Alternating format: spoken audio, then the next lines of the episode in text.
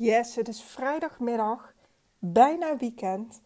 En ik had ineens inspiratie om nog een podcast op te nemen. En dat komt omdat ik vanochtend echt een superleuke sessie heb gehad. Um, een sessie van overdenken naar doen. En ik wil je eigenlijk meenemen hoe is deze sessie ontstaan? Wat is het eigenlijk voor een sessie en wat zijn de resultaten? Want ik bedacht me, ik heb hier helemaal nog geen podcast over opgenomen. En misschien denk je, ik heb ook geen idee waar je het over hebt. En misschien denk je, oh ja, ik heb daar iets over voorbij zien komen. Nou, ik ben inmiddels, ga ik mijn vierde jaar als ondernemer in. En ik heb mij in de jaren gericht op ondernemende oudste dochters. Dus de afgelopen jaren heb ik echt, ja, misschien wel honderden oudste dochters gesproken. Zijn die dan maar klant bij mij geweest?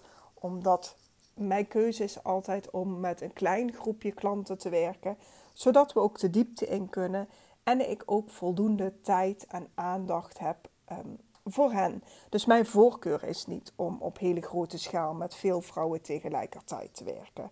Maar gesproken heb ik er een heleboel.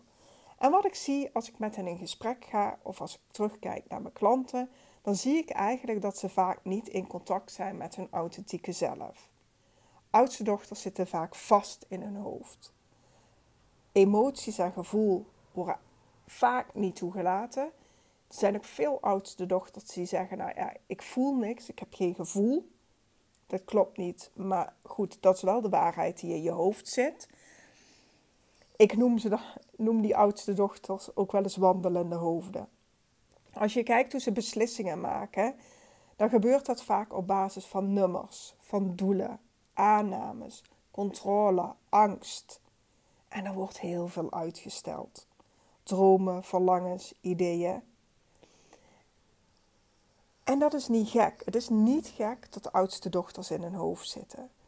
Als je kijkt, um, ik wou zeggen in Nederland, maar dat is eigenlijk wel gewoon in het Westen, dan worden we eigenlijk van jongs af aan, wordt dat hoofd eigenlijk heel erg dominant um, betrokken bij alles. We leren heel erg sterk denken vanuit ons hoofd. En ons hart en onze onderbuik worden daarin veel minder meegenomen. Ga je nu bijvoorbeeld naar India, of ja, ik noem maar een voorbeeld, dan is dat, weet je, dan is dat gevoel, speelt daar wel een hele belangrijke rol, die intuïtie. En zo zit er dus verschil per werelddelen.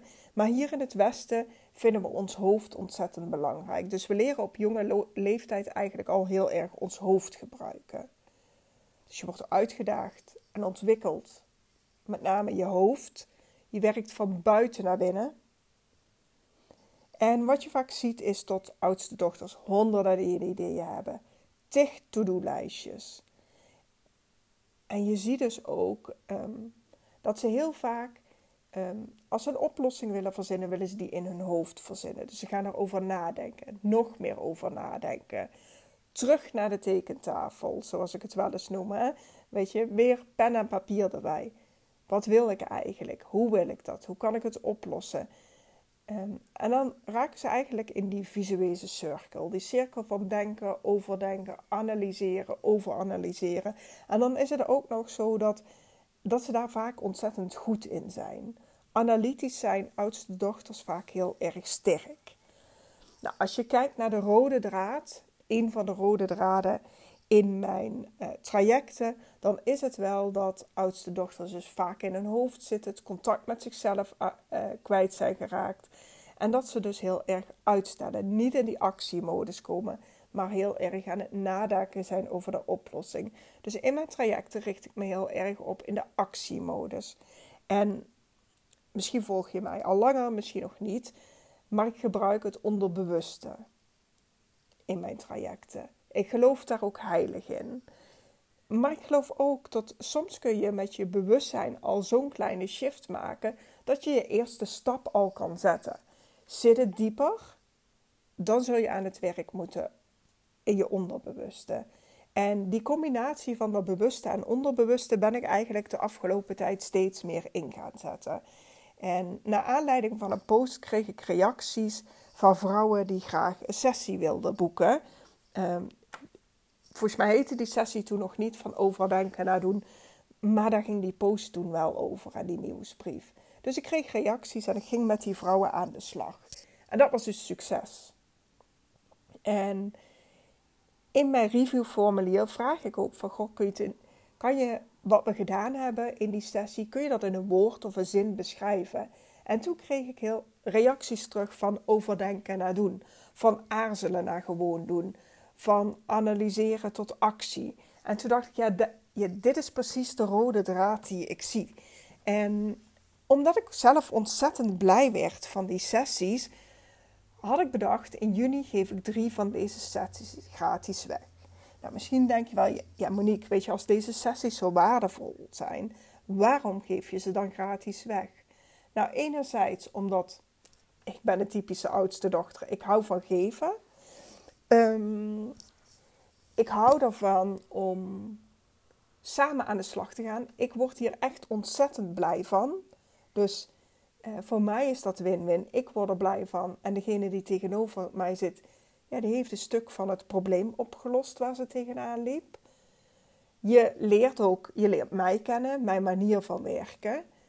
En als ik terugkijk naar de sessies die ik de afgelopen drie weken gedaan heb, ik boek daar een uur voor. Een uur hebben we de tijd om van overdenken naar doen te gaan. En ik durf nu uh, te zeggen dat ik die tijd niet nodig heb. Eigenlijk bij elke sessie die ik gehad had, waren we ongeveer op een half uur, uh, was degene die tegenover mij zat, uit de overdenkmodus en in de actiemodus. En ik wil hem eigenlijk nog wat concreter maken, zodat je nog iets beter weet van, goh, weet je, wat heb je dan de afgelopen tijd gedaan? En uh, de vrouwen die bij me aanklopten, die gaven aan, de een gaf aan van, ik heb angst om mezelf online te laten zien, om me uit te spreken, terwijl ik wel voel dat ik dat wil. Um, een ander gaf aan van, goh, weet je, het lukt me eigenlijk niet meer goed om um, tot ideeën te komen. Als het gaat om mijn creativiteit, dan blokkeer ik. En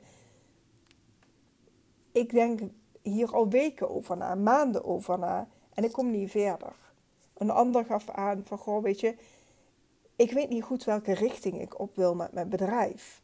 En dat blokkeert me, want ik moet eigenlijk helder hebben welke richting dat ik op wil. Ja, en dan kan ik weer gaan communiceren.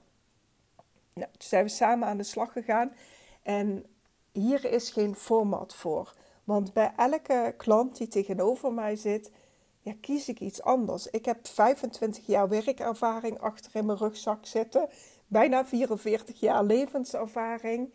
En ik heb ontzettend veel kennis. Dus ja, ik weet dat van tevoren ook niet. Weet je, als iemand tegenover me zit en denkt: Oh ja, weet je, dit zou diegene kunnen helpen. En soms is dat een oefening of een opdracht. Uh, soms is het een tip. Uh, ik kan er dus bij voorbaat niet zeggen van hey, hoe ziet zo'n sessie eruit?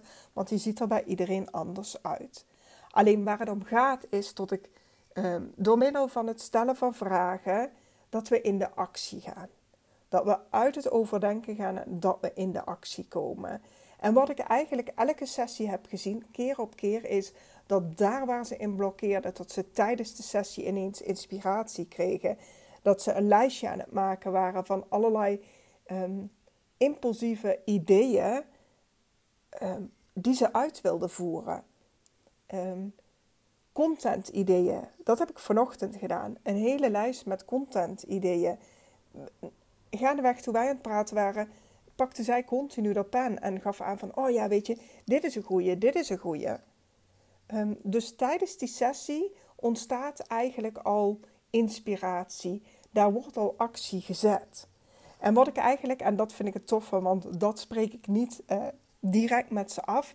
Maar ze zijn eigenlijk allemaal na die sessie ook direct in de actiemodus gegaan. De vrouw die ik vanochtend gesproken heeft, heeft na onze sessie direct twee posts online geplaatst. Wat ze graag wilde was elke week één post online zetten. Vandaag heeft ze er twee geplaatst. Um, het stukje wat ik eigenlijk wel altijd met ze meeneem is... op bewustniveau kun je dus een shift maken... zodat je dus al stappen kan zetten... zodat je in die actiemodus gaat... Maar op het moment dat je ervaart van hé, hey, ik heb een hele lijst met content ideeën, ik heb een hele lijst van um, van aanbod, wat ik kan doen, inspiratie. En ik doe er niks mee, het blijft liggen, ik stel het uit. Ik ben na aan denken over wat een ander daarvan zou vinden. dan zou het wel eens kunnen zijn tot het gaat om ja, dieperliggende overtuigingen. En dan komt het werken met het onderbewuste om de hoek kijken. Maar in deze sessie gaan we vooral op het bewuste niveau aan de slag. En daar kunnen we dan al die shift maken dat je ook in de actiemodus gaat. En ik heb eigenlijk hele enthousiaste reacties teruggekregen. Vrouwen die dit echt een ontzettend fijne sessie vonden. Vrouwen die al weken en zelfs maanden ergens tegenaan liepen. En dat laat ook weer zien, die oudste dochter, die vraagt niet zo snel hulp. Die wil die oplossing zelf bedenken. En dan zie je wat het doet als je wel hulp vraagt. Dan kan het dus zijn dat binnen een half uur, een uur, uh, datgene waar jij dus al een hele tijd mee stoeit, wat jou een hele tijd blokkeert, tot, tot het gewoon opgelost is. Dat je door kan, tot je in beweging kan komen. En dan gaat er een sneeuwbal rollen. Op het moment dat jij weer kleine acties zet, dan gaat die sneeuwbal rollen. En misschien ben jij ook een beelddenker en zie je dus al voor je dat dat kleine sneeuwballetje steeds groter wordt. En daarom geloof ik er ook. In beweging zit jouw groei. Je zult echt in beweging moeten komen. En omdat ik dus zie dat veel oudste dochters daarin vastlopen, ben ik me de afgelopen tijd me daar meer op aan het richten. Wat gebeurt er als jij in de actiemodus gaat? Dus ben je nu geïnspireerd door deze podcast of door de verhalen um, dat je denkt van ja, weet je, ik aarzel ook en ik wil eigenlijk ook gewoon gaan doen. Of ik overdenk alles en ik wil eigenlijk ook wel in die actiemodus. Stuur me dan een berichtje op Instagram of mail me met het woord actie. En wie weet, um, uh, ben jij ook een van die personen met wie ik samen het gesprek aanga. En het gesprek, we gaan eigenlijk samen in de actiemodus. Weet je, we gaan vooral samen aan het werk, zodat, zodat we die sessie ook af kunnen sluiten met, met een wauw-gevoel. En nu ga ik deze podcast ook afsluiten, maar merk jij van hé, hey, dit is eigenlijk wel iets wat ik ontzettend tof zou vinden? Neem dan even contact met me op. En verder wil ik dan nu alleen maar zeggen: het is vandaag super mooi weer. In het weekend wordt het hartstikke mooi weer. Geniet van dit mooie weer. Leg die telefoon een keer aan de kant je laptop aan de kant en geniet van de mensen om je heen. En ik zie jou en hoor jou volgende week weer. Doei doei!